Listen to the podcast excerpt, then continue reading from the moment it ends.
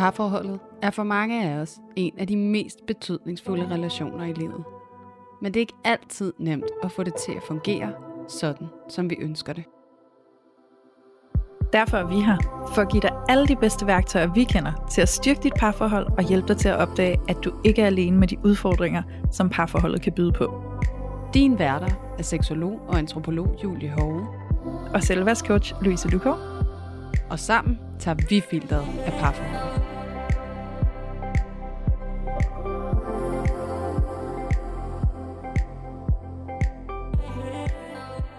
Hej alle sammen, og hjertelig velkommen til det her ganske særlige afsnit af Parforhold Uden Filter. Inden vi giver os i kast med det her afsnit, så øh, skal vi altså lige sige, at dagens afsnit det er altså sponsoreret af vores kære sponsor Hello Fresh.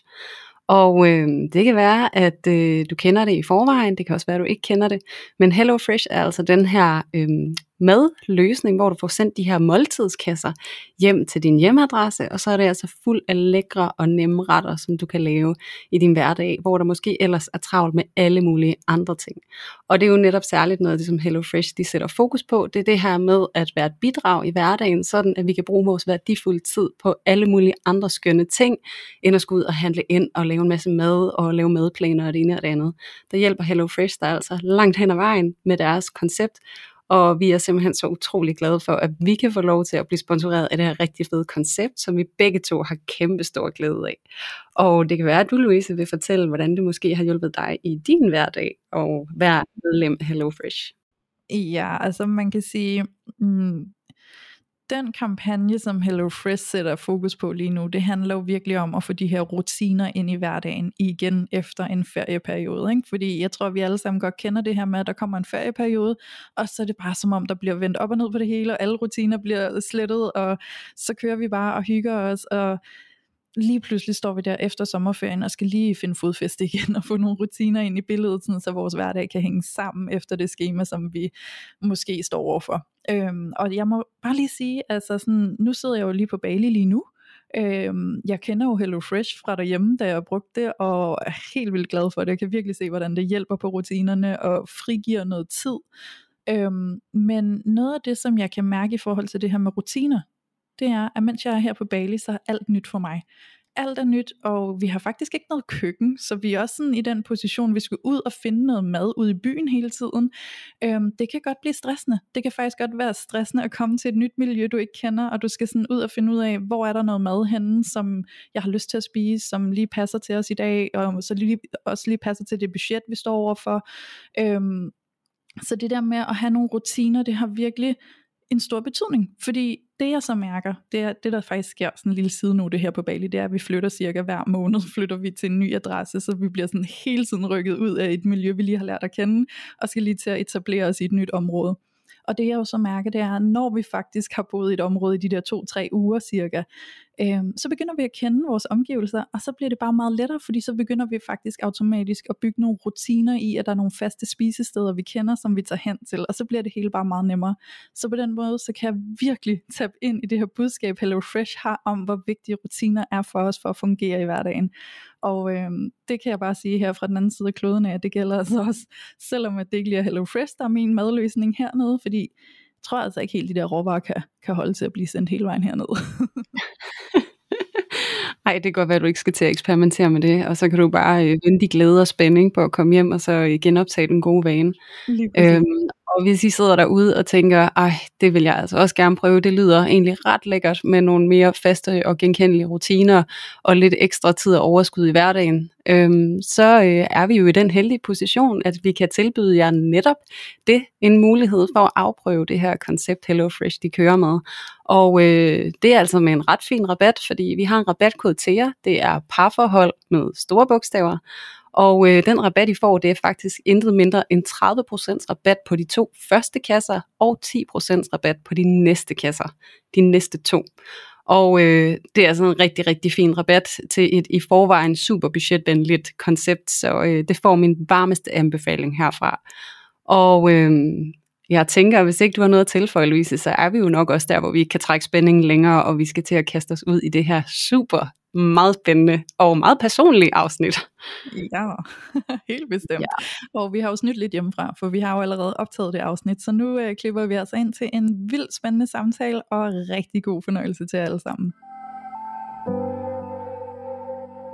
I dag er en helt, helt særlig episode, fordi det er sådan, at vi har fået en gæst på besøg, som virkelig er værdifuld for os at få i studiet. Det er nemlig sådan, at vi har Julius eksmand med, og det har vi, fordi at vi skal til at snakke om, hvordan det er at tage beslutningen om at blive skilt, særligt efter et langt ægteskab, og særligt når der også er børn i spil. Og hvordan kommer man egentlig igennem den her skilsmisse og prøver at bevare et godt samarbejde og et godt venskab? Og hvordan står vi egentlig tilbage på den anden side af skilsmissen, fordi der er jo så mange følelser blandet ind i sådan en skilsmisse, og i det hele taget i at tage den her beslutning og lave den her forandring, og finde et ståsted med nye roller over for hinanden på den anden side af skilsmissen. Så det skal vi altså til at snakke om i dag. Og så er det sådan, at vi har fået rigtig mange fine spørgsmål ind på Instagram, fordi vi har jo selvfølgelig spurgt jer derude, hvad I godt vil spørge ind til, til Julie og Tobias. Men inden vi dykker ned i de her spørgsmål, så vil jeg bare lige sige hej til jer to. Hej. Hej. så lad mig lige høre, hvordan det er for jer at sidde her i dag. Øhm, jeg kan godt lægge ud og så sige, at øhm, det er super spændende. Mm. jeg kan godt mærke, at der er sådan mange sommerfugle i maven, som jeg har skulle forsøge at identificere i løbet af dagen, og, og jeg er kommet til konklusionen af, at det er gode sommerfugle, øh, og det er jo dejligt, og det var også derfor, at vi endte med at sidde her, fordi, og det talte vi også om, Tobias, at vi ville være ærlige og sige, at det var ikke bare sådan nemt og gnidningsfrit og ubesværet at sætte sig ned her sammen i dag, fordi en ting er den måde, vi to taler om tingene på, og den måde, vi arbejder med det på, men så også være klar til at dele øh, med alle vores lyttere her. Øh, det, det er ligesom noget andet. Og, øh, og jo, jeg kan bare lige lægge ud med at sige, at vi har da måttet tale i telefon et par timer de sidste par dage, for ligesom at, øh, at lige finde hinanden og, og genbesøge øh, det, vi har med hinanden, og det, vi har haft, og, og ligesom finde fælles fodslag på en eller anden måde, så vi kunne sidde her sårbart sammen i dag og, og være på bølgelængde. Mm. Ja, så det er sådan min indledende sådan introduktion til, hvordan det er at sidde her, men du skal jo også have lov at sætte et par ord på. Altså jeg kan godt genkende sommerfuglene i maven. Øhm, altså bare lige nu kan jeg mærke, at mit øh, hjerte banker, mm. fordi at der er bestemt noget på spil.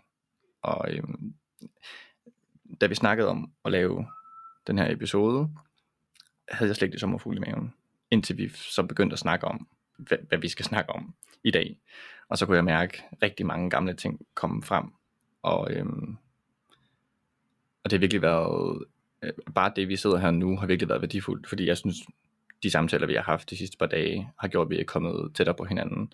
Og, øhm, og har virkelig sådan en følelse af, at det er vigtigt, at vi sidder her øh, både for os øh, i vores videre udvikling, men, men også at kunne vise noget.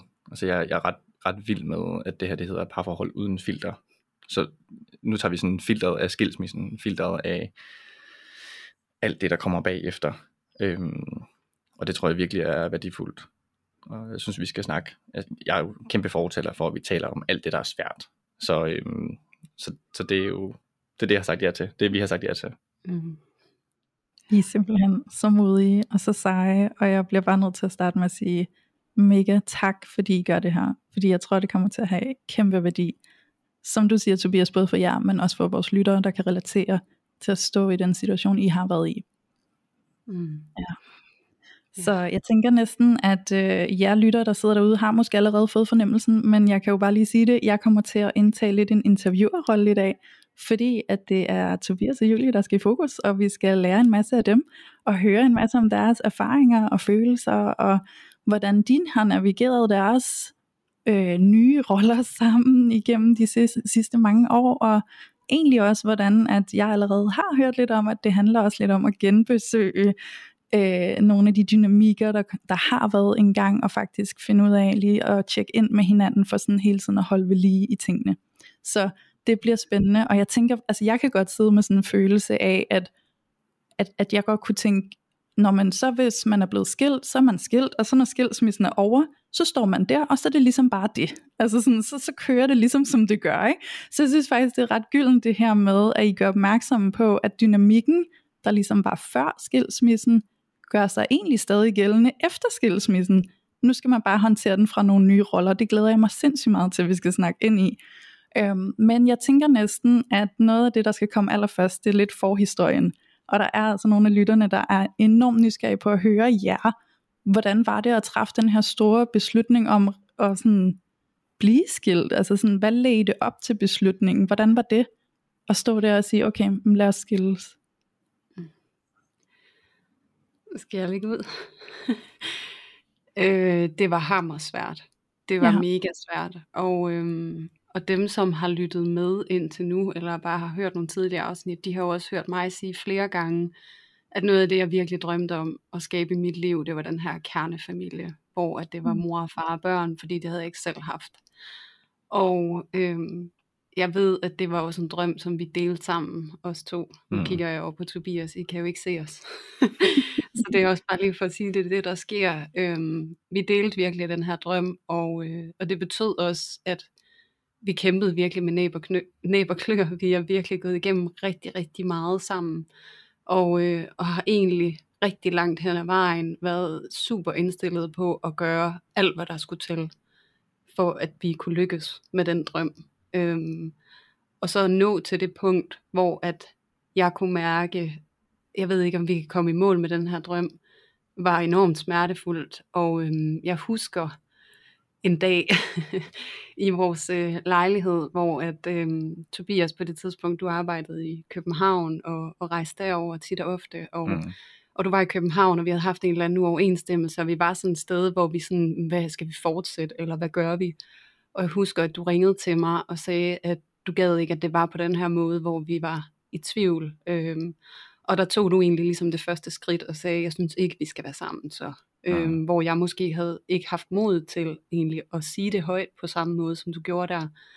Og hvor jeg husker, at, øh, at jeg på aller dramatiske vis løb ind på soveværelset og kastede mig i sengen og bare hulkede og skreg mm. og græd, og jeg var så ulykkelig. Og det var jo netop et udtryk for, hvor stort det var for mig, at vi skulle være den her familie, og hvor sindssygt smertefuldt det var, og så prøve at rumme erkendelsen af, at det skulle vi ikke. Mm. Ja. Så det var virkelig hårdt. Altså, ja. virkelig.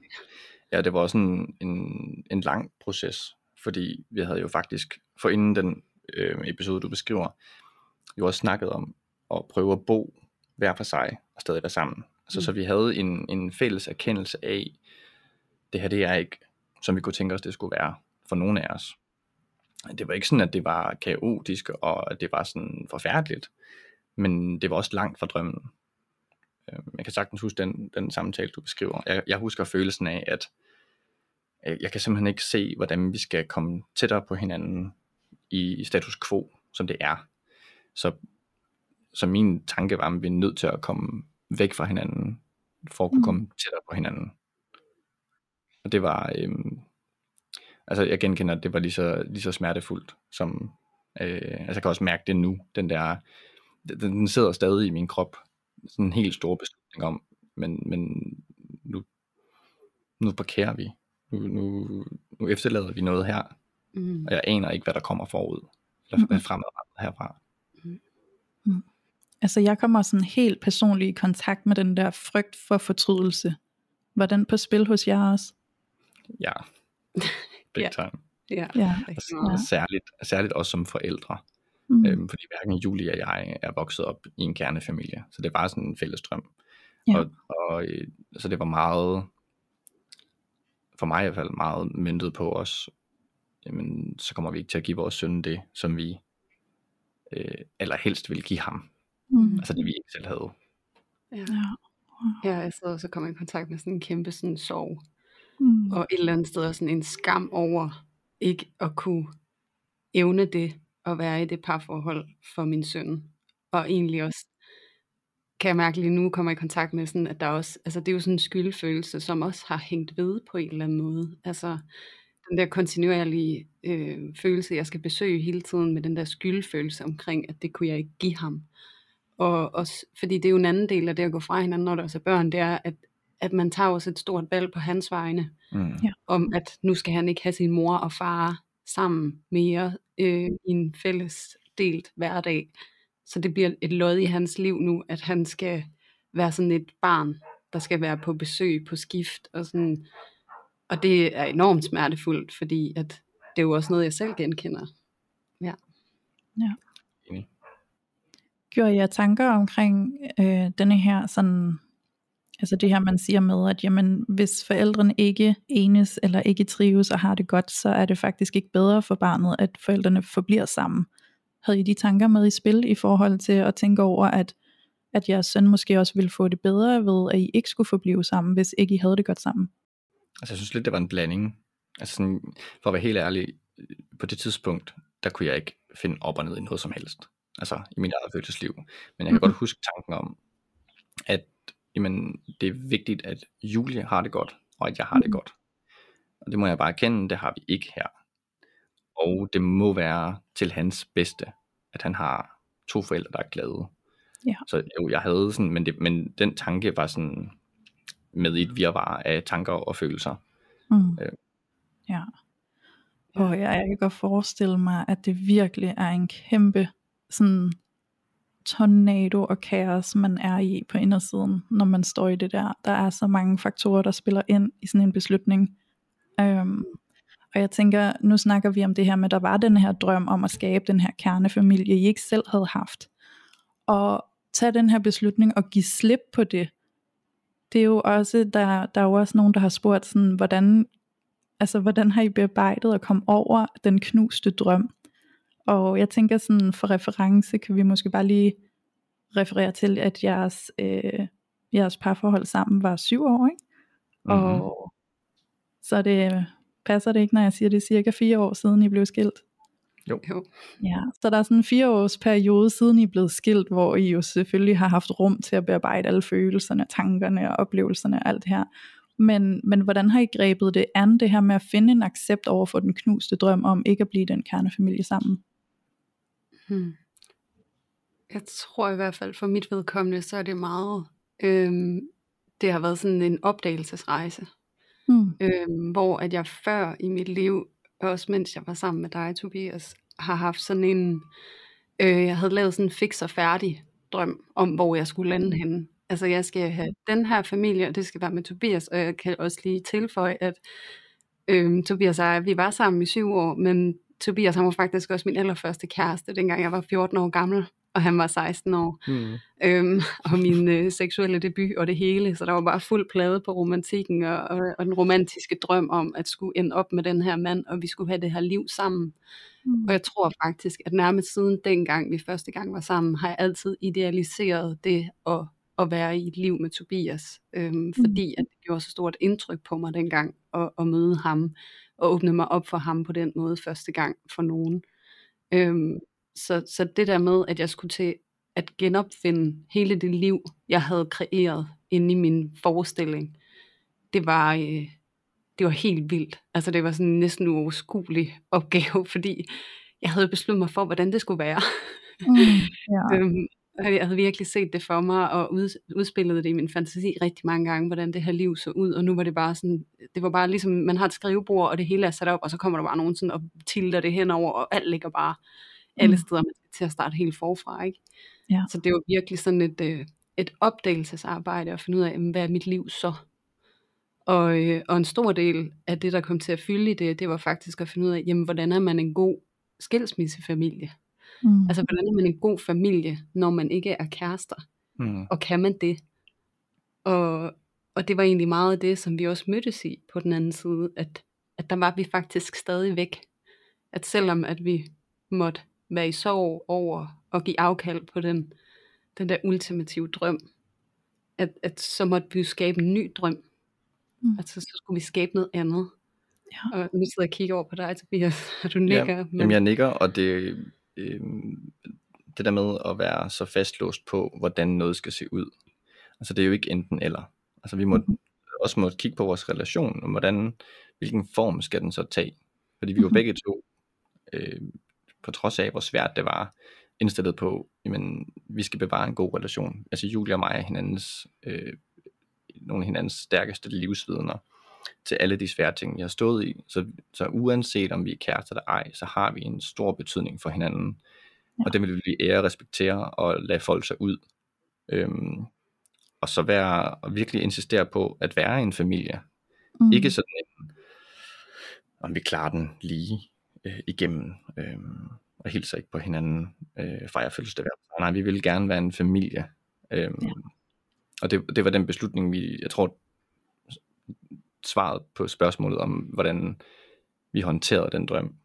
Det var virkelig, men så, ja, så træffede vi en beslutning om, hvordan vi så kunne tænke os, det skulle være. Ja. Startede med en ny drøm. Mm. Ja. Det lyder så fint. Det lyder som om egentlig bare at skifte fokuset over på, okay, nu har vi ikke det her, men vi kan skabe det her, og så kan vi sætte fuld fokus på det, og så er det ligesom det, der bærer os.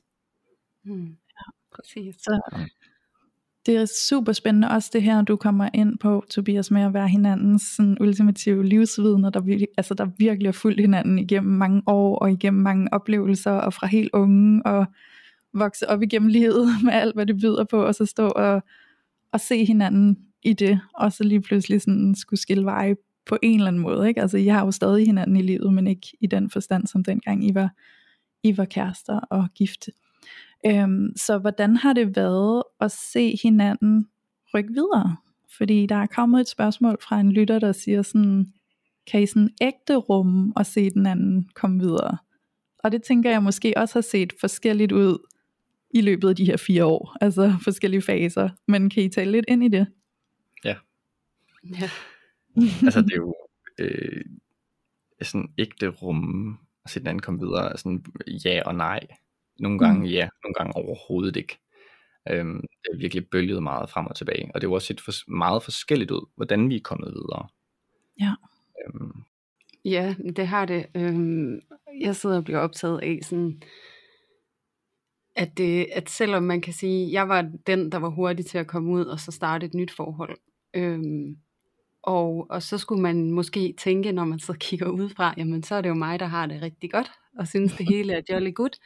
Øhm, og det synes jeg også de fleste dage, at det er. Men jeg skal også være ærlig og sige, at, at da jeg så ser på et tidspunkt, Tobias han, øhm, han får en kæreste, og, øh, og kommer og fortæller mig, at det her det er altså bare kærlighed på et helt nyt niveau, og han har aldrig oplevet noget lignende, og det er helt fantastisk. Og, og så kigger jeg på hende, og sådan helt apropos det sidste afsnit, vi havde med det der med at være optaget i sin ekses liv altså jeg var jo i gang med den helt store sammenligningsproces, med, ja. ej, hun er også meget yngre end mig, og jeg er sådan en gammel kone nu, og um, hun er så smuk, og alt det hun kan, og, altså, og der vil jeg være ærlig og sige, at der har jeg gået rundt med gedint ondt i maven, øh, af flere øh, omgange og i længere og kortere tid. Øh, og, og så er der også hele den der øh, dimension af, at vi har et barn. Uh-huh. Og sådan, Ej, nu skal hun til at være bonusmor for min søn, og jeg kan høre på min søn, hvor fantastisk hun er. Og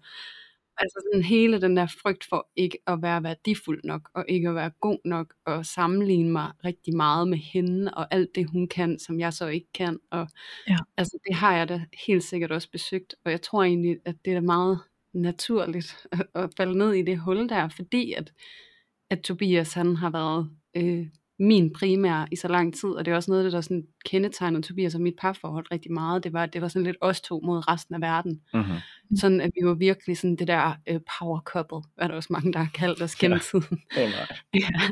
øhm, og, og så det der med at se, at han nu havde en anden Robin. Altså det var min Batman, og nu har han bare fundet en anden Robin, det kan man ikke. øhm, og jeg er jo helt sikker på, at der har været noget, der måske ligner det over i dig, Tobias, men altså, men man kan godt forestille sig, eller lade som om man bare er ovenpå okay, også selvom man egentlig har det godt, men jeg er også et menneske, og mm. jeg har også min bagage og min historie, og, og kæmper og arbejder med selvværd, og, og alle de her ting, så, så jeg har ikke altid været ægte glad for at se Tobias komme videre, øhm, mm. men på nogle dage, og de fleste dage, har jeg været glad for det. Ja. Men, men jeg har også været ramt af det grønne monster, hvis man kan sige det mm. sådan, og, og, og mindre værtsfølelserne og det hele, så det er jo også bare en del af Ja. ja, altså jeg kan kun stemme i. Altså, og særligt det, altså det første, der ramte mig, øhm, det var, fordi der var meget, den romantiske kærlighed men også var, var pænt slukket efter, efter lang tid. Øhm, men, men særligt, at, at han kom ind i billedet, og, og, jeg, jeg, og jeg arbejdede i København, så jeg var meget, meget bange for, som far, øhm, at jeg ville blive erstattet. Mm. Øhm, og han, han, han besidder nogle kvaliteter, som jeg ikke er så stærk i. Og på ja. det tidspunkt kunne jeg slet ikke se det som en, som en tilførsel af værdi til vores familie. Nej. Jeg, jeg, jeg, jeg vidste det godt op i hovedet, og godt sådan se det for mig, det, det giver mening det her, men i mit hjerte og i mine følelser, der, der ønskede jeg jo ærligt talt ikke jer det bedste. Altså jeg ønskede jo, at det gik galt, så dengang kunne jeg overhovedet ikke ægte rumme, at du var kommet videre. Altså det var meget, meget svært. Øhm, og, og sammenligne også mig selv. Så, så jeg, jeg synes, det synes jeg var rigtig svært. Ja. Noget jeg synes er super interessant Ej I sidder i stedet og smiler til hinanden der øhm, Noget jeg synes er interessant Som I begge to kommer ind på Det er faktisk denne her øh, Følelse af at den nye partner Der kommer ind i billedet hos ens eks Lige pludselig kan føles som en trussel i forhold til at komme ind og have en ny sådan rolle over for ens barn. Den her frygt for at blive erstattet, sådan, Nå, så har de så en familie nu med mit barn, og hvor bliver jeg af i det? Hvor hører jeg hjemme i det billede?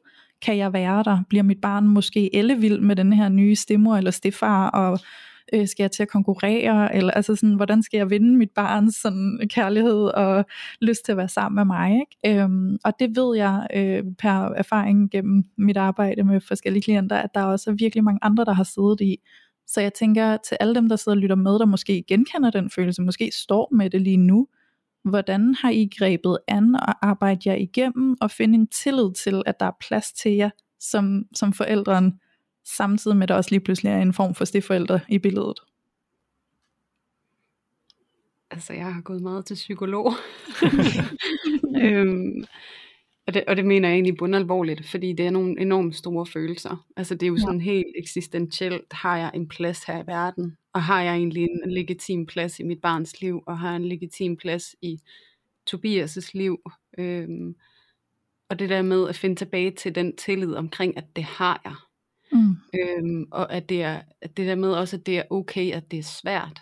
Og det betyder ja. ikke, at alting går i stykker, fordi det er svært. Og det er jo også altså sådan, i sådan tilknytningsperspektiv, at, at det er jo også det, der definerer, hvornår man er tryg. Det er det der, når at der er konflikter og, øh, og knuder på linjen, og man stadig kan finde tilliden til, at det nok skal gå. Altså det er det, der er tryghed. At, at det der med, fordi det larmer, så betyder det ikke, at relationerne går i stykker. Og den øh, erkendelse kan jeg godt komme til rent logisk, men at mærke det og føle det, har krævet rigtig meget hjælp, og også en ting er psykolog, men en anden ting er også at tale med Tobias om det, og, mm. og sidde, og altså, jeg ved ikke, hvor mange timer vi har snakket i telefon, og grædt, og råbt, og jeg ved ikke hvad. Øhm, ja. Og egentlig sådan, er det også noget af det, vi har talt om, at der har betydet meget for vores samarbejde, det er vores vilje og ønske om at blotte os øh, gang på gang, mm. der hvor det er svært, og det gør ondt, og så ja. egentlig bare tur at sætte ord på det, over for hinanden, i stedet for at gå put med det selv, og prøve at løse det selv, eller sætte en facade på, eller skrue op for colaen og slikken derhjemme, for ligesom, altså man ikke laver det der mm. kompensationsadfærd, og køber ja. ind i det, men at man ligesom prøver at hæve sig over det, og være sårbar og åben omkring det, har gjort en kæmpe forskel for mig. Ja, det føles enormt risikabelt at, at sidde over for sin eks, som med mine briller er kommet videre og har startet en ny familie, og jeg skal sidde der. Altså kan jeg stadig huske følelsen af at stå ved sådan, okay, jeg havde jo nok i virkeligheden stadig en drøm om, at vi ville finde sammen igen. Mm. Okay. Så, så, så min intention var, at ja, vi skal væk fra hinanden, vi skal helt slippe hinanden, for så at finde sammen igen. Det var så blevet min nye drøm for mig selv, og skulle fortælle, fortælle det til Julie, velvidende, at hun faktisk var kommet videre. Det var enormt svært for mig at sige. Men hvis mm. ikke jeg man kunne også mærke ind i øh, kvæg vores beslutning om, vi er nødt til at, at vise, hvor vi er, og hvordan vi har det. Fordi ellers så begynder vi netop på at konkurrere, og øh, hver især at skabe sådan to øh, modsatrettede kræfter. Så, så, så, så det er sådan en, en beslutning om at være så sårbar. Øh, det var, øh, det ser jeg som, altså sår, beslutning om at være sårbar og tålmodighed. Ja. Øhm, og det er Julie, hun fortalte nogle ting, der var svære. Det gjorde jeg også ture og dele noget, der var svært. Og, og det at fortælle hende, at jeg faktisk ikke Øhm, jeg havde ikke drømt om, det skulle være sådan her bagefter. Det var med til at sætte mig fri, at det er der plads til. Altså jeg blev ikke gjort forkert. Øhm, så det at vi ja, er sårbare og lyttede til hinanden og gav det plads, uden at skulle gøre noget ved det. Ja. Øhm, det var rigtig vigtigt, og er det stadig. Mm. Ja. Wow, jeg tror altså sådan både mig og jeg er sikker på, at det også gælder mange af dem, der lytter med. Det er jo vanvittigt inspirerende at se det, altså den evne, I har til at kommunikere om tingene og samarbejde i tingene. Jeg tror, altså jeg er med på, at det selvfølgelig også har været svært, og der har også været tidspunkter, hvor at det sikkert har været lige ved, at man river håret ud på sig selv, men altså, der er virkelig bare noget inspirerende i at høre, hvordan I har taget et valg om, vi skal have et godt samarbejde, koste hvad det vil. Altså så må vi bøje os, og så må vi sørge for at være sårbare, selvom at det er skidesvært, fordi det er det, der skal til, for at det her det kan fungere. For jeg tror, at for mange, så den der sårbarhed, den er så svær at sluge, så den Mm. kommer helt ned under gulv- gulvbrædderne, ikke? Øhm, og det bliver jo desværre på bekostning af hele samarbejdet, og det kommer jo til at gå ud over børnene også, ikke? Så der er virkelig noget inspirerende i at høre, at I har taget det valg, og sagt, hey, det kan godt være, det er dybt sårbart, og det kan godt være, det er skidesvært, men vi gør det. Mm. Ja, Ja, og det er den beslutning, der er afgørende. ja, Altså, og det er virkelig også sådan en, at, kunne sætte sig ned, og så spørge men, hvordan vil vi så have det skal være? Altså, hvad mm. kan vi Mm. blive enige om i vores relation? Og så det ikke, øhm, så forventningerne ikke også, så jeg ikke sidder og åbner hele mit hjerte op, og, du så ikke gør det samme. Altså, der skal på en eller anden måde Mm. være en ligeværdighed, altså nogle præmisser, man begge to kan gå med på, Mm. Ja. øhm, i forhold til, hvordan det skal se ud bagefter. mm-hmm. ja. Så I har også snakket, altså haft sådan nogle forventningsafstemninger på, hvordan I kan gribe det an, det der er svært og sårbart. Jamen, det vil jeg sige, og så er det jo også, altså sådan, og det har jeg næsten også lyst til lige at sige, så alle jer, der lytter med også ved det, at, at jeg jo føler mig jo enormt heldig på den måde, at Tobias, ligesom jeg selv, er lidt sådan en selvudviklingsnørd, Ja. og, og, og du er også uddannet coach, og, og har arbejdet med det i mange år, og sådan ret professionelt. Øhm, men fordi man er god professionelt, betyder det ikke også, at man er god til at smide sit ego og sin stolthed og vise sin sårbarhed. Mhm. Øhm, og der føler jeg jo, at jeg har været enormt heldig med dig, øhm, og at, at vi har været heldige med hinanden på den måde, at, at der er noget i os, som kan hjælpe os til at gå den vej. At, at vi begge to er et sted, hvor at det er noget, vi sætter pris på i vores relationer, både til Mm. hinanden, men også til andre. Mm. Så, så altså, det har hjulpet os meget også, at vi er sådan, og jeg tror måske også, at, og det er jo det, sjovt, når man sidder og tænker over det og kigger tilbage, at vi har delt så meget af livet med hinanden. Så det også sådan en interesse, vi er gået i fællesskab hen imod, og som så har kunne bære os Mm. øh, ret meget, også igennem alt det her, som har gjort så forbandet ondt. Øhm, og det er måske også, altså, når jeg så sidder og siger det og tænker over det, altså en opfordring til jer, som måske er derude, øh, gå i gang med at, at øve jer på det her, mens I er i et parforhold. Øh, virkelig, altså træne op til at kunne stå i krisen sammen, og også den ultimative krise, som vi har måttet stå i, og som Mm. Vi nogle gange stadigvæk kan besøge, altså hvor vores samspilsdynamikker, de bare bliver blusser helt op igen, så sent som i går, ikke? Ja. Øhm, men, men vi har den der dedikation til at vende tilbage hele tiden, fordi Mm. at, at vi ved og har besluttet os for, hvor værdifuldt det er for os. Mm. Øhm, ja, det var måske lidt et tidsspur. Det er virkelig, jamen, det, jeg synes, det er rigtig vigtigt, det du siger med beslut, en ting er beslutning om, hvordan det skal være. Men, men det kommer til at gå galt, tu, det går galt tusind gange. Altså, jeg, har- jeg har lagt på og ikke talt med hinanden. Altså, det har set ud på mange måder. Men beslutningen så om også at vende tilbage. Mm. Altså, Ja. det vil jo sige, okay, lad os lige snakke om det, der skete. Nu er mit nervesystem faldet til ro. Nu kan jeg trække vejret. Nu kan jeg lytte igen, uden at dømme dig. Lad os lige tale om det. Den der med at vende tilbage til det, den er virkelig også vigtig. Altså jeg synes jo ikke, det er et sidespor, Julie, fordi nu, nu fik du alligevel lige taget fat i det der med de der dynamikker, de der gamle mønstre, som I jo så har opdaget, der stadig eksisterer imellem jer. Og det var jo det, jeg teasede lidt for i starten, at vi også lige skulle lidt ind på. Og jeg kan jo fornemme på jer to, at det, er sådan, det, det har været lidt en opdagelse at se sådan, gud, nå, det er stadig de samme mønstre, som der kommer til at komme på spil imellem os, selvom vi ikke er kærester længere og ikke er gift længere. Så hvordan har I ligesom bemærket de her dynamikker? Hvad er det, I kan se, der sådan gør sig gældende nu, hvor I står sådan øh, fraskilte forældre, der samarbejder, gode venner, og så stadig møder de her dynamikker. Prøv at fortælle lidt om det, og måske hvordan I griber det an, at I møder de dynamikker, og bruger I også den oplevelse til at at, og sådan udvikle på det? Jo, altså de her dynamikker, det er jo meget spændende, og egentlig også, når jeg tænker over det, så er det jo også meget det, der ligesom er grundlaget for, at vi har talt så meget om tilknytning i den her podcast. Fordi at, at det er jo sådan for os to, at, øhm, at vi er sådan lidt modsatrettet, fordi du er ængstelig ambivalent, og jeg Mhm. er undvigende afvisende. øhm, og det var jo virkelig noget af det, der også gjorde det rigtig svært for os at finde hinanden, mens vi var sammen Mm. Fordi at vi på mange måder fungerede helt vildt forskelligt, og vi helt sådan ubevidst, uintentionelt kom til at skubbe hinanden ud over grænsen til, hvad vi følte os trygge i. Ja. Øhm, og det, der sammenskabte vi jo virkelig et enormt svært samspil, og hvis jeg sådan skal hands on i forhold til, hvordan vi ligesom blev grebet af den dynamik igen i går, så er det jo et dugfrisk eksempel, fordi at, at vi taler i, i telefonen om, nu skal vi være med i det her afsnit sammen, og og så ytrer du en bekymring om, sådan, jamen, jeg har brug for, at vi bare lige er på bølgelængde i forhold til, at vi kommer sårbart frem, og vi er sådan lige stillet, og du er ikke terapeut, men vi er der sammen. Og, Mm. og så med det samme, så blev jeg grebet af sådan en, hvad er det, du vil have af mig, og hvordan er jeg sårbar på den rigtige måde, og hvad er det, du forventer? Og, øh, og så endte vi sådan en clinch og samtale omkring det, hvor vi begge to blev sådan ret rigide og fik ret ondt i maven, og, og det var sådan en følelse af at virkelig tale hen over hovedet på hinanden. Altså vi kunne slet ikke finde hinanden i den samtale. Og så får vi så talt om det igen i går, og hvor vi ligesom så begynder at åbne op for, hvad det er, der sker, og hvor jeg kommer frem og siger, at det er sådan en følelse af, at, at du vil trække noget ud af mig, som jeg ikke nødvendigvis kan, eller Mm. er villig til at, at præstere eller være.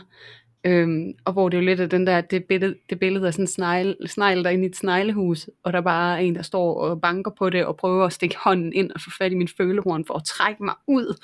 øhm, og hvor jeg bliver super overoptaget af, hvordan gør jeg det rigtigt? Igen, det er undvigende, der bliver enormt tilpasset. Hvordan kan jeg tilpasse mig, sådan at jeg genetablerer freden mellem os? Mm. Hvor jeg, det, det er jo sjovt, nu kommer du ind lige lidt, men hvor jeg oplever, at, at, at du bare sådan, det er slet ikke det, jeg vil, altså sådan totalt misforstået.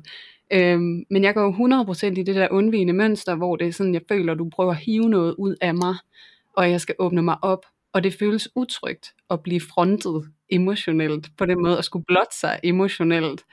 Øhm, og det jeg kommer til at gøre der, det er jo at blive sådan lidt øh, gå i offensiv, eller altså sådan at, at, at forsvare lidt, og, og netop det der med at tilpasse og sådan nogle ting. Øhm, og jeg tænker egentlig, det, det er bedre, at du selv fortæller, Tobias, hvad der skete ind i dig i den samme situation, fordi jeg tror, det, er sådan, det giver et bedre billede af det. Ja. Altså, det, det der jo... Altså, de ord, du brugte, var jo en til en de samme ord, som da vi var sammen. Ja. øhm, og, hvad, og, og, og det har været en kæmpe frustration for mig, ikke at kunne forklare, hvad det er, jeg, øhm, hvad det er, jeg gerne vil have. Når jeg er ængstelig, så vil jeg, jeg vil gerne have en, en, altså sådan, da vi var sammen, der kunne jeg tage fat i dine skuldre og kigge dig ind i øjnene og sige, jeg, jeg er lige her, hvor er du?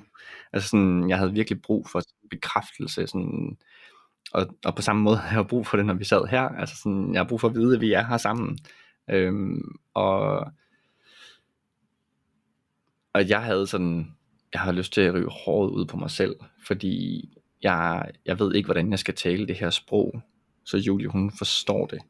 Mm. Øhm, og jeg bliver, altså når jeg så får at vide, at, at, du vil bare, at jeg vil bare have noget fra dig, så nej, nej, nej, nej, det vil jeg slet ikke, jeg vil bare have dig, som du er, du skal ikke gøre noget, øhm, men det kan jeg slet ikke, jeg kan slet ikke forklare det, øhm, og det er virkelig en, en, altså, en oplevelse af at tale to forskellige sprog, og jeg får ondt i maven, og jeg, altså, øh, altså før i tiden, da, altså, da det virkelig kom til udtryk, da vi var sammen, jamen jeg, jeg kunne gå ind øh, på et værelse ved siden af, og lægge mig ned og græde, Ja. ja. i håbet om, at, at, at hun så ville komme. Altså sådan, jeg, virkelig sådan, det var min bedste måde at udtrykke, øh, hvor ængstelig jeg var, og hvad jeg havde brug for. Og det tolkede Julie som, du vil bare have noget af mig. Ja. Øh, og det har været den største kløft mellem os, som ja, så i går stadig er, er på spil. Mm. Ej. Det er virkelig spændende. Jeg tror, der, der må sidde så mange derude, der kan genkende det der. Jeg sidder jo, altså jeg kan jo genkende øh, de præcise følelser, du beskriver, Tobias. Øhm, og samtidig så kan jeg jo høre på det, I sidder og forklarer, altså så kan jeg jo høre min egen kæreste i dig, Julie. Ikke? Øhm, som også har stået og været sådan, hvad er det, du vil have af mig? Jeg forstår det ikke, og jeg, forstår, jeg føler, du vil hive et eller andet ud af mig, som jeg ikke kan regne ud, hvad skal være. Og, øhm, og jeg har bare været sådan, nej, jeg vil bare gerne lige mærke lidt tryghed her. Altså. Øh, ja, ej, det er virkelig spændende. Og øhm, hvordan griber I det an, når I står i det nu? Altså fordi jeg er med på, i parforholdet, så bliver det jo en anden størrelse, fordi man er tæt på hinanden, og det får virkelig lov til at udspille sig ind i parforholdet. Men nu hvor I står i en anden afstand til hinanden, mm. øh, og har et andet samspil, som i højere grad går ud på at være venner og samarbejdspartnere i forældreskabet, Øh, hvordan griber I det an, når I møder de her følelser i hinanden? Bliver frustreret indledningsvis. Ja. ja. ja, fordi den første samtale, vi havde, den endte bare, som den plejede. Mm. Okay, ja. Og det var ondt i maven, og det var sådan, okay, vi skal bare ikke optage på fredag. Mm. Og så tror jeg, beslutningen om at vende tilbage, den, den træt, altså den naturlov, vi har fået skabt i vores relation, at vi vender altså tilbage. Ja. Øh, med, med friske øjne og, og åbne ører. Ja. Så tror jeg, at den anden samtale, så var vi stadig ret frustrerede egentlig også. ja, det krævede lige bagkald. ja. Indtil, ja, hvad skete der? Jeg tror egentlig, det endte med, at vi i går fik sådan taget hul på, og det er, jo, det er jo der, hvor vi så kommer hen og begynder at skabe noget forståelse, men det er jo sådan en bro, der kan være svær at komme hen over.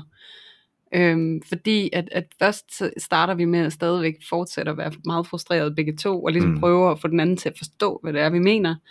Øhm, og så tror jeg faktisk, i går, så var det dig, der sådan klappede lidt i og lyttede øhm, på, at jeg fortalte, hvad det var, jeg oplevede, og hvad det var, der skete i mig, når vi havde den her samtale. Og ligesom jeg brugte de her ord omkring, at jeg føler, Øh, jeg føler mig grænseoverskrevet. Jeg føler, at du gør vold på mine følelser. Du prøver at trække noget ud af mig, som jeg ikke... Mm. Altså, jeg når ikke engang selv at tage stilling til, om, om jeg har lyst til, at du skal derind lige nu, eller om det er trygt for mig, og at hvis ikke jeg føjer mig og bøjer mig, jamen så går du, eller så lukker du ned, du ligger på, eller et eller andet, så ved jeg ikke, hvornår jeg ser dig igen. Ikke? Øhm, så derfor har jeg lyst til at tilpasse mig og være undersøgende på, hvordan er jeg rigtig sårbar, sådan at du føler det godt nok. Mm. Øhm, hvor at jeg kommer ud af mig selv over i Tobias' standarder for, hvordan jeg skal være. For, og det jeg jo forsøger i den i det modus, det er jo at skabe fred igen, og genetablere freden, fordi jeg er tryg, når der er fred. Øhm, og det der med egentlig at tale om det, som i, jeg kan mærke, det det her, der sker, det det her, jeg ser. Jeg fort- du skal høre, at jeg ikke er ude på at fortælle dig, hvordan du er, eller hvad din intention er, eller hvad du gør men det er sådan her, at, at det er det her, der sker inde i mig. Det er det mm. her, jeg oplever. Hvad oplever du, Mon? Altså, hvad, hvad sker der over i dig, og hvordan lander det her, og hvordan er det, der i virkeligheden sker over i dig, anderledes fra det, jeg fortæller? Altså, så det der med, at, at og det, det kan være så svært, når at, at vi bliver fanget i det, men det kræver virkelig det der med, at man lige tager sig lidt sammen et eller andet sted, og tager et skridt tilbage, og kigger det lidt mere udefra, og så fortæller om det, der sker indeni, Mm. Som, ikke som om, at det er sådan, det er, men at det er en oplevelse, man har. Ja. Og, ja, for det var afgørende for mig. Det kan jeg jo mærke nu. Fordi det var afgørende for mig, at du sagde øh, noget i retning af, at, at jeg siger ikke, det er sådan her, du er. Mm. Øh, jeg siger ikke, at du udøver vold og laver overgreb på mine følelser. Fordi det reagerede jeg meget kraftigt på. Sådan, wow, det gør jeg ikke. Der. Men når Julie så afvæbner mit forsvar ved at sige, men det er ikke sådan, du er. Det ser jeg godt men det er sådan her, jeg har det. Det er sådan her, jeg oplever det. Den lille ting, som jo er en kæmpe ting, gjorde, at jeg er sådan, okay, så lad mig prøve at lytte til, hvordan det så er at være dig, uden at være klar til at forsvare. Fordi nu har jeg ligesom forstået, hun beskriver ikke mig lige nu. Hun beskriver noget, hun oplever. Okay, det har ikke som sådan noget med mig at gøre, men jeg vil gerne lytte til det. Mm. Og der skete noget, da jeg så lyttede til, hvordan hun havde det. Jeg kunne, og jeg kunne jo se alle de gange, mange gange, vi har haft den her dynamik, har været på spil. Hvor, hvor lidt jeg har forstået Julie. Ja. Altså jeg lærte noget nyt der. Øhm, og så gik det jo den anden vej bagefter.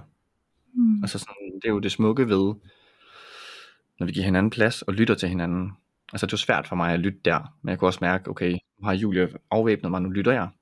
Ja. Så var der lige så meget plads til, at jeg kunne fortælle, hvordan jeg oplevede det. Øhm, og, og, og jeg fik faktisk en ret stor indsigt i går i vores samtale. Øhm, fordi det gik op, altså da vi sad og snakkede sammen, så, så forstod jeg min ængstelighed meget mere.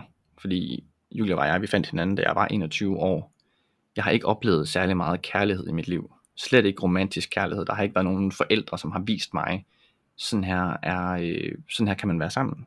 Så med Julie var det første gang, jeg sådan reelt oplevede inde i mig et, et åbent hjerte og en masse kærlighed, som jeg virkelig godt kunne lide. Ja. Men kvæg, at jeg kun havde oplevet det sammen med dig, så var jeg, troede jeg også, at du, du var den eneste, jeg kunne have det der med. Jeg havde slet ikke erfaret, at jeg kunne generere den kærlighed selv. Så jeg var, altså jeg var så bange for at miste det. Og deraf blev jeg jo enormt ængstelig. Så når hun sagde den mindste ting, som, eller bare havde brug for at være sig selv, eller whatever, så, så følte jeg mig truet på den kærlighed, som jeg ville for alt i verden aldrig nogensinde slippe igen. Ja. Og, det, og det har jo været, og det er jo også her, hvor det bliver en, altså, øh, det kræver også, at man er to mennesker, der gider at arbejde med sig selv. Fordi hvis jeg nu ikke havde arbejdet så intenst på at generere den kærlighed for mig selv, med mig selv, så vil jeg jo stadig gå og se Julie som den eneste, der kunne give mig kærlighed. Ja. Ja. Ja, og måske i virkeligheden komme til at lukke ned for dig selv. Fuldstændigt. Ja. Ja, det var virkelig wow, Julie. Det, jeg hørte godt lige, du sagde wow. Ja. Virkelig, virkelig fint. Altså jeg må bare lige endnu en gang bare lige stoppe op og sige wow, fordi det er virkelig uden filter det her, og det synes jeg er så flot, at I gør. Tusind tak. Ja, det er også givende at gøre det uden filter. Altså det er det Mm. virkelig. Øhm, ja. Og ikke bare, altså må jeg sige, det er sådan en, en så kan man sidde og tænke, jamen, øh, så kan vi bare sidde og gøre det for vores relation. Men for mit liv, altså bare Mm. mit eget liv, er det enormt værdifuldt. Fordi det som, altså det har jeg jo også erfaret, de udfordringer vi havde, Mm. og som jeg havde i et parforhold, altså selvfølgelig tog jeg dem med videre ind i mit næste parforhold. Ja. Så jeg har en oplevelse af, at jo mere vi styrker vores relation, taler om det, der er svært, ser vores ansvar, lytter til hinanden, det gavner mit kærlighedsliv nu enormt meget. Altså sådan, det, det, det er det er enormt, det er enormt vigtigt. Mm. Så det er ikke bare for at reparere vores relation og være gode forældre. Det, for mig personligt er det en kæmpe gave, at vi gør det. Ej, jeg, vil, jeg vil egentlig gerne byde ind, fordi jeg føler også sådan, at du giver virkelig meget af dig selv lige nu. og der var nogle ting også i den samtale, vi faktisk havde i går, som jeg også tænker sådan, er værdifuldt at få med her også. Øhm, og det er jo i forhold til, at nu siger du, at du ser, hvordan du var i din altså ængstelighed, og hvordan den mm. fungerede, og hvordan den så ud. Og jeg tænker, at jeg sagde lidt om det der med, hvordan jeg reagerede i går, men sådan generelt også for vores parforhold, og sådan ligesom lige tage et ansvar på, hvad det ser, jeg, altså hvad jeg ser, jeg gjorde i det, med min øh, undvigende, afvisende adfærd, ikke? hvordan jeg reagerede på dig. Øhm, og det, jeg, det vil jeg gerne sætte nogle ord på, fordi det jeg så ser, at der hvor du sådan blev ængstelig, øhm, og lidt tilbage til det, der også skete i telefonsamtalen i går, der hvor jeg rigtig hurtigt kommer hen, det er, at jeg gør det ikke godt nok. Mm. Altså fordi du er så sulten, så jeg har ikke mættet dig. Så hvad kan jeg gøre for at mætte dig? Og jeg har brug for, at du er mæt, fordi så er der ro. det larmer, når du er sulten, og det bryder jeg mig ikke om. Jeg vil gerne have der ro og fred. Øhm, og det jeg ligesom gjorde for at mætte dig, det var jo i rigtig høj grad at grænseoverskride mig selv. Helt vildt. Og give meget mere, end hvad jeg overhovedet havde, eller hvad der var sundt, eller hvad der var færre, eller Øhm, og på den måde kom jeg også til, meget til at give dig ansvaret på en eller anden måde for, at du drænede mig. Men det jeg jo gjorde for netop at være tilpasset og for at bevare freden, det var hele tiden at øse ud fuldstændig ukritisk af mig selv. Og i sådan et omfang, at jeg stod tilbage som sådan en tom skal, som ikke havde noget. Så jeg havde heller ikke fyldt min kærlighedsbeholder op overhovedet, fordi jeg havde været så optaget af at fylde din op. Fordi at når jeg fyldte din op, så var jeg værdifuld altså så betød jeg noget, og så var jeg elsket. Jeg elskede, når at jeg øh, gør vold på mig selv og mine egne følelser. Og det er jo det, jeg kommer fra og er vokset op med, ikke? at jeg altid skal aflæse stemningen og sørge for at fylde ind med det, der mangler, og, og ikke at mærke mig selv, men mærke alle de andre, og sørge for, at de har det godt, og, og jeg fik jo den der øh, sætning engang fra min mor, der sagde, du er mit lys i mørket, og det var jo det, jeg var, altså, det var det, jeg var for nogen, og når jeg var det for nogen, så var jeg værdifuld, og, og, og når jeg gør noget, der er så usundt for mig, så bliver jeg jo enormt frustreret, fordi det er super meget i strid med at være ordentlig og kærlig over for mig selv. Mm. Og den frustration og irritation over, at jeg ikke var det, den rettede jeg jo så mod dig. At det var dig, der ikke var ordentlig over for mig, og det var dig, der udsultede mig, og alle de her ting. Og det er jo også bare for sådan at sætte et billede på, hvordan at jeg byder mig selv noget, som ikke er okay, og kommer til at give dig ansvaret for det. Mm. Ja, som så trigger min reaktion på altså min ængstelighed. Og det er jo, og det er jo sådan, det er i hvert fald den her dynamik, det er, altså, du har beskrevet flere gange sådan, og det vil også til sneglen. Altså sådan, desto mere du, når jeg kommer hen til dig og siger, hey, jeg, jeg har lige brug for den der tryghed, så kommer jeg med sådan en lille bank på skallen. Mm. Og så sådan lidt, nej, det skal jeg ikke. Og så trækker du dig længere tilbage, og sådan, nej, så banker jeg lidt hårdere sådan nu, og så trækker du dig endnu længere tilbage, indtil at, at, at, altså, at det er bare sådan et, et feedback loop, der bare er sådan en ond spiral, mm. som virkelig, er, virkelig har været svært at bryde. Ja.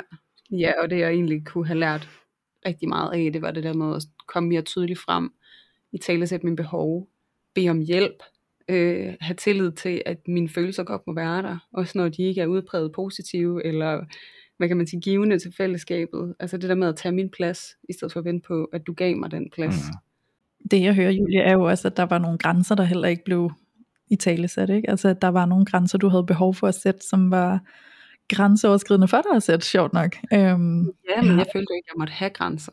Nej. Nej, og det er jo stadigvæk egentlig noget, jeg sådan arbejder med, også altså, når vi skal tale ind i vores nuværende samarbejde og sådan nogle ting, er det faktisk også noget, der har fyldt meget, måske ikke sådan direkte udtalt, men, men Tobias, du har sagt til mig mange gange, altså du må godt bede om noget, altså du må godt bede om min hjælp, altså sådan lad være med at antage, at jeg ikke vil hjælpe dig, mm. altså sådan behandle mig som, som et, et menneske, som faktisk er til rådighed for dig, fordi det er det, jeg er, ja. øhm, og der har jeg jo virkelig skulle have sådan et, et øh, arbejde, hvor jeg skulle sådan mature lidt, fordi det var sådan meget, um, det er vildt umodent sted inde i mig, det der med ikke at være fuldstændig selvtilstrækkelig og hyper independent. Ja. Også over. ja. Ja.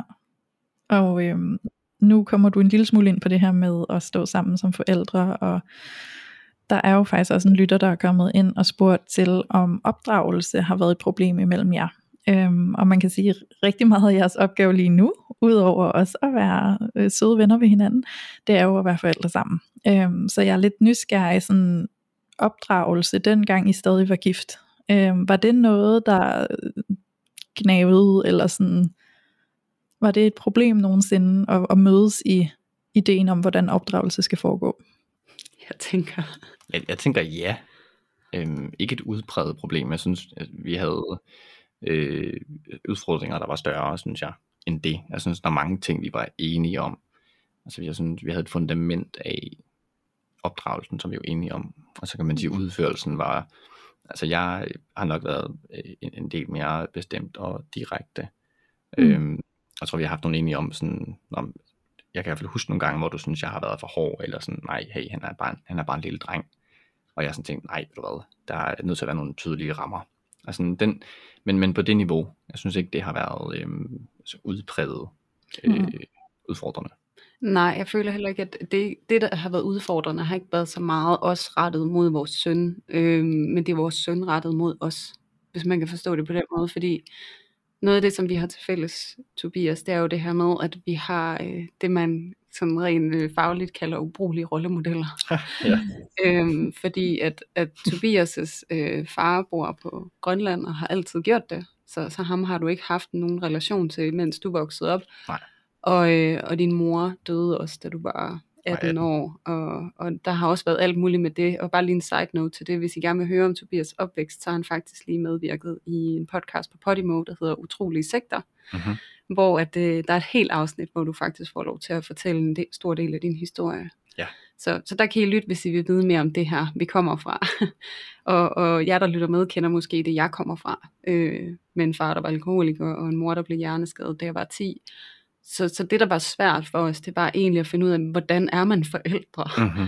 Og også at vi fik sat barn helt vildt højt Meget. for, hvornår vi er gode forældre. Og barn var så høj, at det var virkelig svært for os at leve op til det. Og det blev associeret med rigtig meget skam over ikke at være god nok forældre, og ikke Mm. leve op til, og sådan enormt meget usikkerhed omkring, at det her er den gode måde at være forældre på, og sådan noget. Så på den måde tror jeg, at det har fyldt mere for os, Meget. end det at, at have forskellige sådan, opdragelsesstrategier. Det har føltes som sådan minor details Ja, virkelig. i forhold Ja, til fordi det vi har andet. begge to strugglet med, hvordan er jeg far, og hvordan er du mor. Mm. Øhm, altså, da jeg sad med ham i armene, øh, der var det første gang, jeg skulle til at bruge ordet far. Altså det har ikke været i mit vokabular hele mit liv. Så du ved, jeg tror bare, vi havde nok i os selv af udfordringer kvæg vores barndom øhm, med ubrugelige rollemodeller. øhm, altså, og jeg tror, der var vi også, også sådan på sådan en stærk fælles mission om, at ham her, det her lille vidunder, skal bare ikke have det, som vi havde det. Mm. Så der tror jeg, vi, vi joinede forces der. Ja. Ej, det er ret interessant. Også fordi der er kommet et spørgsmål, der hedder, var I gode til at være kærester ud over forældre? Og det synes jeg egentlig er en sjov måde at dele det op på, som sådan to forskellige kategorier, at man er kærester, men man er også forældre. Og jeg sidder og får sådan virkelig en nysgerrighed på, hvordan ser I det, hvis I skal kigge på dengang I var i jeres ægteskab, og I var blevet forældre, hvis I sådan skal, jeg ved ikke om man kan tillade sig at dele det sådan op, men altså hvis I skal kigge på den måde I var kærester, og den måde I var forældre, Mm. Øhm, ser I det som om, at I var bedre til at være forældre, end I var, til at være kærester, eller omvendt, eller måske et lidt mere nuanceret billede? Hmm. Jeg kan godt lægge ud. Det går ud. Jeg tror faktisk, vi var bedre til at være kærester, end vi var til at være forældre. Ja.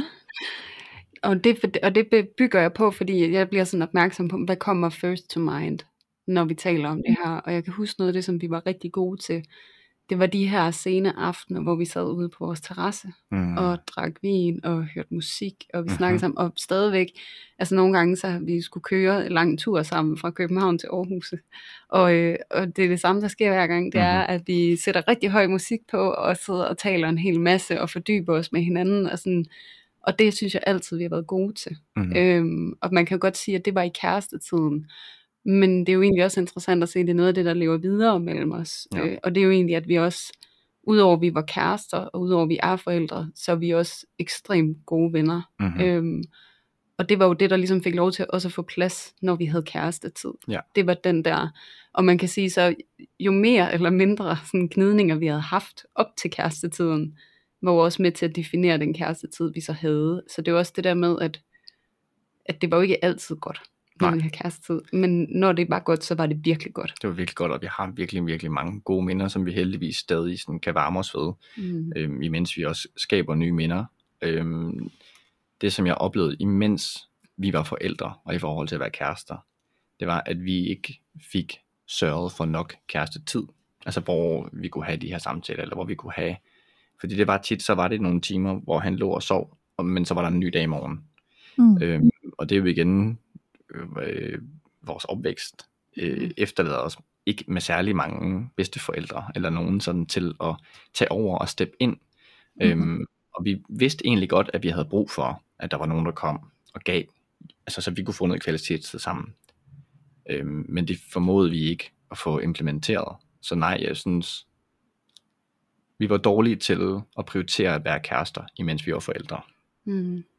Mm. Ja, det var vi. Og man kan sige, hvis man skal sætte et billede på, hvordan det var, altså det der med, at, at det var også meget defineret, det var jo, fordi vi havde det jo godt, når vi så var sammen som Mm. mm. kærester, men det, der ligesom gjorde det rigtig svært, det var, at det var vi ikke særlig meget. Præcis. Øhm, og, og det var i sådan en grad, at vi tilmeldte os sådan noget, der hedder Homestart i Aarhus, hvor man kan få sådan en, en social medarbejder, sådan frivillig, til at komme og tage ens baby i to timer en Mhm. gang imellem. Altså så lav var vi på Ja. bedsteforældrebeholdning og, og mennesker, der kunne træde til. Så det var virkelig også, altså vi måtte virkelig altså, være kreative i forhold til at skabe noget tid, hvor vi kunne være sammen. Så det har jo helt klart også altså, defineret, at, at vi ikke var så meget. Ja. Ikke at vi ikke var gode til det, men vi var det ikke så. Det var det, vi var det slet ikke nok, og jeg synes, det er helt fint at dele det op i at være forældre og at være kærester. Mm. Øh, det, det, det, det, synes jeg, øh, det, det synes jeg er vigtigt, at der er plads til, at man kan være kærester. Ja, Mm. og det er jo sådan to ting, der skal sammen eksistere, ikke? Altså den her konstellation af at være forældre, og konstellationen af at skulle være kærester. Ja. Øhm, Og så tænker jeg sådan, vi kan godt lige nå et spørgsmål mere, fordi der er også en, der er lidt nysgerrig på, nu, nu er det jo, det har vi nævnt, I var sammen i syv år. Uh-huh. Øhm, så er der en, der spørger, sådan, var det en syvårskrise, eller var det mere tilfældigt, at det lige var der, at, øh, at skilsmissen skulle stå? Altså det er sjovt, vi sad, vi sad og kiggede på det spørgsmål og grinede lidt af det. Ja. Øh, og øh, vi sagde to ting, og sagde, jamen det var syv års krise, altså at vi var ikke, og det er ikke forstået sådan, at, at, at vores relation var en krise, men, men der skete bare så meget i vores liv hver især, altså det var meget, Ja. meget hårdt, så Ja. på, en, på, sådan, på sådan en følelse havde vi sådan, men vi var der i krise i syv år, altså, Mhm. øhm, men øh, nej, jeg tror ikke, det var en syvårskrise. Øhm, mm. Nej, sådan ser jeg det heller ikke. Øhm, det var ikke sådan en krise, der lige pludselig kom eller opstod på nogen sådan...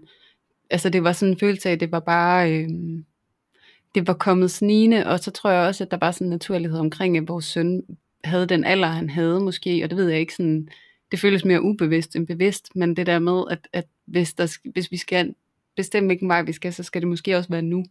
Altså sådan, at, at du ved, man ikke trækker den for langt, eller altså, sådan, det er måske nemmere nu med en treårig, end det er med en 5-6-årig, som forstår meget mere, og det bliver meget hårdere, eller, og det er egentlig bare sådan nogle strøtanker, jeg sidder og får lige nu, og det er måske også et udtryk for, at, at det er svært for mig egentlig at identificere, hvad var det helt, altså, og var det, fordi det var ikke sådan en krisekrise, det var sådan en følelse af, at det var bare sådan en tilstand, vi havde fået nok af, og det kan Mm. man måske godt kalde en krise, men det var ikke sådan, at der var sket et eller andet drastisk, eller... Nej, nej, nej, fordi vi levede en, en forholdsvis normal tilværelse sammen. Altså der var ikke, Jo, du skulle flytte til København. ja, jeg prøvede at få dig med. ja, det gjorde du godt nok. Ja. Du, du ville gerne, at vi skulle derover. Ja, men det kunne man måske godt sige var lidt Jamen, en krise, Det fordi det blev sådan lidt, at altså der blev det i hvert fald tydeligt, at vi måske havde lidt forskellige øh, oplevelser. i- Ja, at vi Ja. ville noget forskelligt, fordi jeg var meget sådan, som jeg også sagde tidligere i afsnittet, sådan, jeg vil gerne have det der Villa Volvo, Borgse familie, kernefamilieliv, og bo på en villavej med en masse børn og en flagstang i haven, og alt sådan noget, og, og du var bare, altså, og, og det er jo noget, jeg beundrer dig enormt meget for, at du altid har været meget eventyrlysten, og også noget af det, mm. Som jeg sådan har været meget tiltrukket af, at, at man ved sgu aldrig, hvad der kan ske med dig. Nej, altså sådan, du er super kreativ og fuld af rigtig gode idéer, og, og vil en hel masse, du har enormt meget passion og drive, Mm. Øhm, og, og der er jeg måske mere sådan en nestbuilder. Altså jeg vil gerne bygge en rede og, og leve der i senden. Og, og, og det blev meget tydeligt lige pludselig, at, at du vil gerne på det eventyr, og du vil gerne have os med, og vi kunne bo på den her måde. Og, Det er og, rigtigt nok. Ja, og jeg kunne bare mærke, ej, det, det kan jeg bare overhovedet ikke.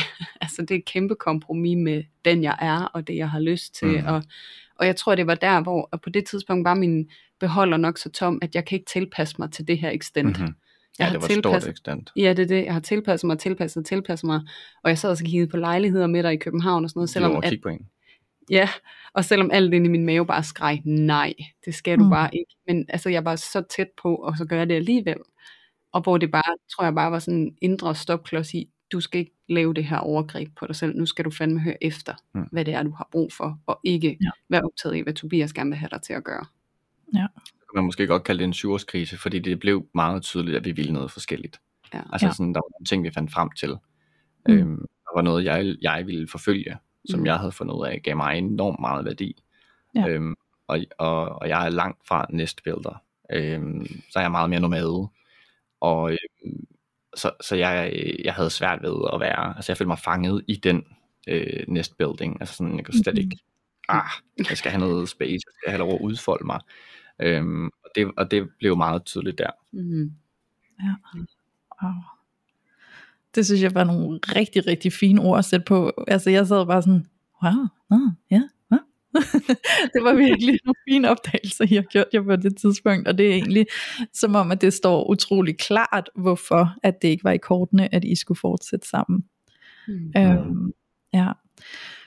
Så, nu er vi ved at være ved vejs ende, og øh, hvis I nu lige skal sende noget omsorg og nogle hjælpende ord ud til de lyttere, der sidder sådan helt fængslet til den her samtale, og øh, helt optaget af alt det, I deler ud af, som, øh, som måske sidder midt i at tage beslutninger om at, øh, gå i skilsmisse, og måske lige er blevet skilt, og skal til at etablere et eller andet form for fundament i et forældreskab, hvordan skal det så lyde? Du er ikke alene. Mm. Altså virkelig. Jeg følte mig så alene. Jeg følte okay. mig så dum. Jeg følte mig som en kæmpe fiasko. Altså jeg, det gjorde så ondt. Altså det er ikke for sjov, at skilsmisse ligger nummer to på de største traumer, man kan opleve i livet. Altså Mhm. mm-hmm. øh, num- første, det, det største trauma, det er at miste sit barn. Nummer to er at blive skilt. Ja. Øhm, og så virkelig, du er ikke alene. Og det gør ondt. Mm. Øhm, og så vidt du kan, altså virkelig med den største forståelse for, at man har lyst til at lukke det ned og, og distrahere sig selv. Giv plads til det også. Men så vidt du kan, øhm, find en eller anden måde, og om det så er, i for mig var det i første stilling øh, i min seng alene, efter lang tids Netflix, at så kunne mm. jeg græde. Altså give plads til det, som kommer, Ja. ja. så godt du kan. Fordi det er okay, du ikke bare kan tale med hvem som helst om det, og Mm. vise dine følelser, for det der, det er, undskyld, jeg bander, det, er- det er fucking svært. Ja.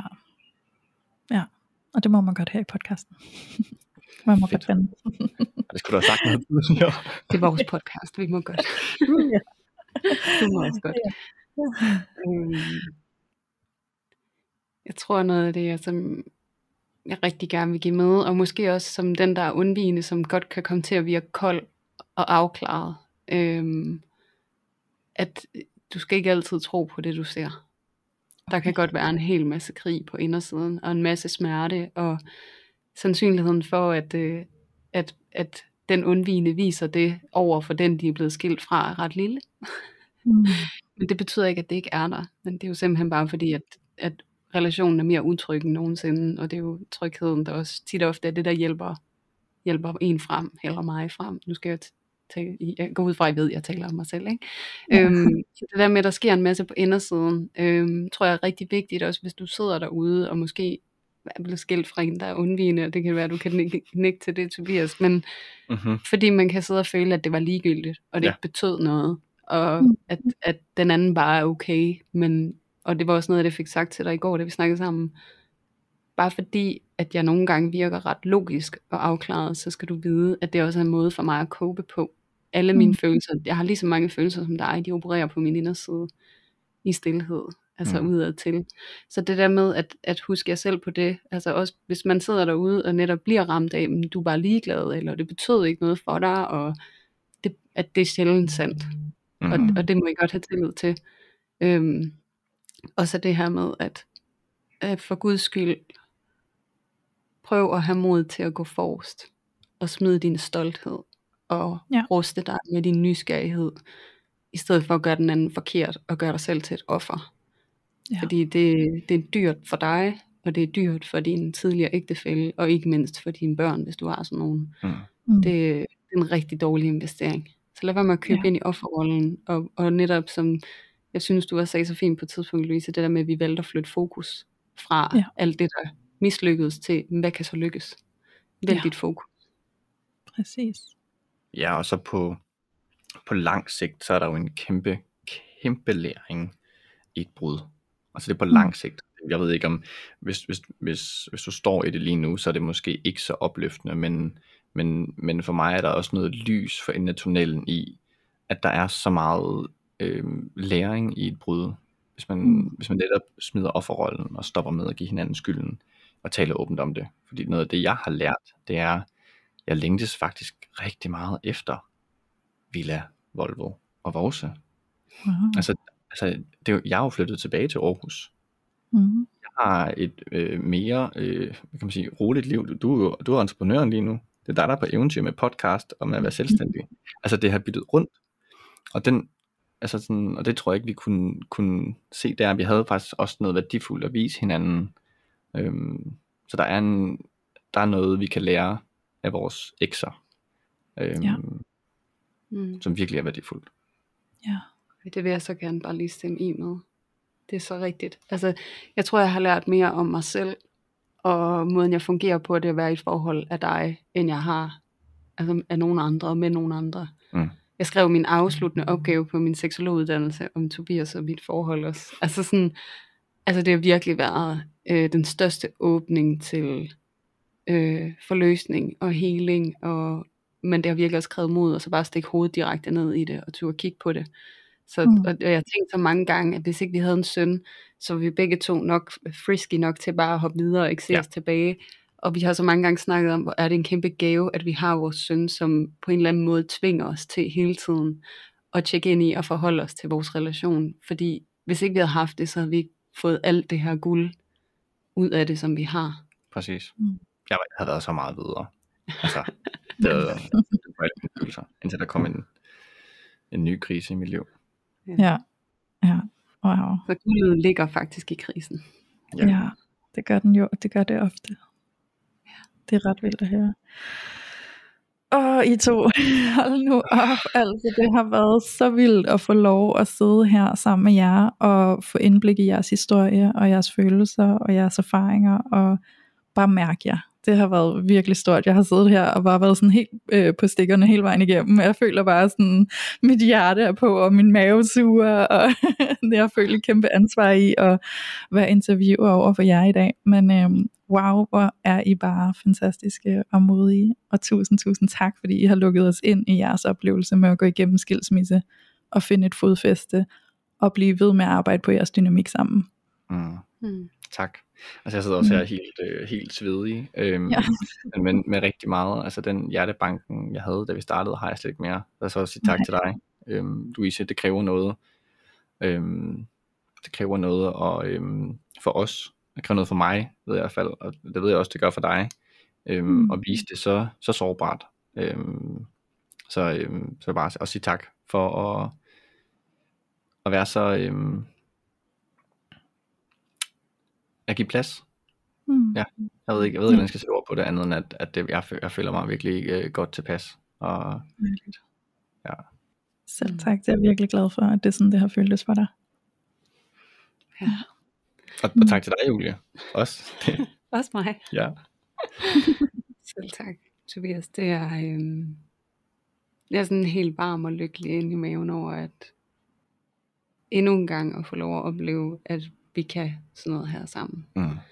Altså lige så meget som når vi holder Hugos fødselsdag, og fylder haven op med mennesker, og du kommer med boller og kage, og jeg står for alt muligt andet, og at vi også kan samarbejde om at give det her videre. Ja. Øh, det varmer mit hjerte helt vildt, at, at vi fandme bliver ved, altså. Hold kæft, vi er stedige ja, begge to. vi er fucking stedige. ja, fordi vi har faktisk er om det. ja. ja, det er heldigt for vores sønner for os. Hvor er det dejligt. Godt. Jamen ved I hvad, så siger jeg bare tusind tak, og til alle jer, der har siddet og lyttet med, så håber jeg, at det har været lige så vildt for jer at sidde og få lov at få indblik i hele den her historie og de her oplevelser, og jeg håber, at I sidder derude og har trukket vildt mange guldkorn til jer, som I kan bruge til jeres egen rejse, hvis I står i noget, der ligner. Og øh, afrundingsvis, så vil jeg bare lige huske på, at I altså kan få lov at afprøve Hello Fresh med vores rabatkode, der hedder parforhold. Den skal I skrive med store bogstaver, og det er altså kun for alle jer, der ikke allerede har afprøvet det. Men øh, hvis I går ind og bruger vores rabatkode, så får I altså nogle rigtig fine rabatter. I får hele 30% rabat på de to første kasser, og 10% rabat på de næste to kasser. Så øh, giv jer i kast med at prøve Hello Fresh. Vi er selv sindssygt glade for det, så det synes jeg bare, at I også skal opleve derude. Og Julie, så synes jeg ikke, at det her afsnit skal være uden en invitation til vores loge. Ej, det ville da være en skam. Det skulle være første gang så, ikke? Ja, præcis. Vi har jo Ja. et øh, kæmpe fællesskab inde i vores Facebook-gruppe, der hedder Parforhold uden filter-lotion, som du kan gå ind og søge på og søge om at blive medlem. Så lukker vi nye medlemmer ind hver næstkommende tirsdag, og der får du altså bare virkelig mulighed for at blive rummet og spejlet og holdt. Øhm, det er et fantastisk fællesskab, hvor at alle de andre lyttere, de sidder og åbner sårbart op omkring deres oplevelser i parforholdet, og alle de følelser, der er rigtig svære at være i, og bliver gang på gang grebet af alle de andre, der sidder derinde, klar til at give gode råd, og egentlig bare vise dig, at du ikke er alene. Så kom ind og vær med i vores loge. Mm kæmpe varm anbefaling.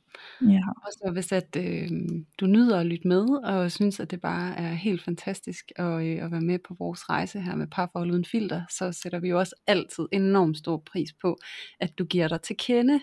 Øhm, og det kan du altså gøre ved at give os en lille anmeldelse. Og hvis du sidder og lytter med på Podimo, så kan du give os en thumbs up, og hvis du lytter med på Spotify, kan du smide nogle stjerner efter os. Og det samme kan du gøre inde på Apple Podcasts. Men der er den lille spidsfindighed, at du faktisk også kan skrive en lille anmeldelse.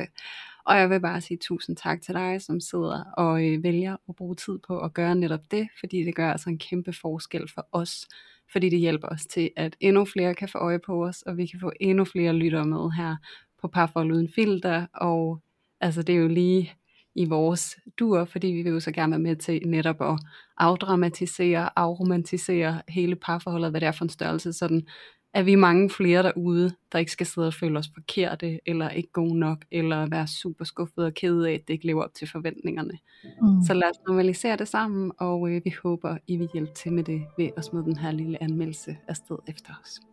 Ja, yeah. please do. Så øh, tusind tak for i dag, I to. Selv tak. Selv tusind tak. Og øh, så vil jeg sige tusind tak til alle jer vidunderlige lyttere, der for første gang har været med til at tage filteret af skilsmissen og enden på parforhold.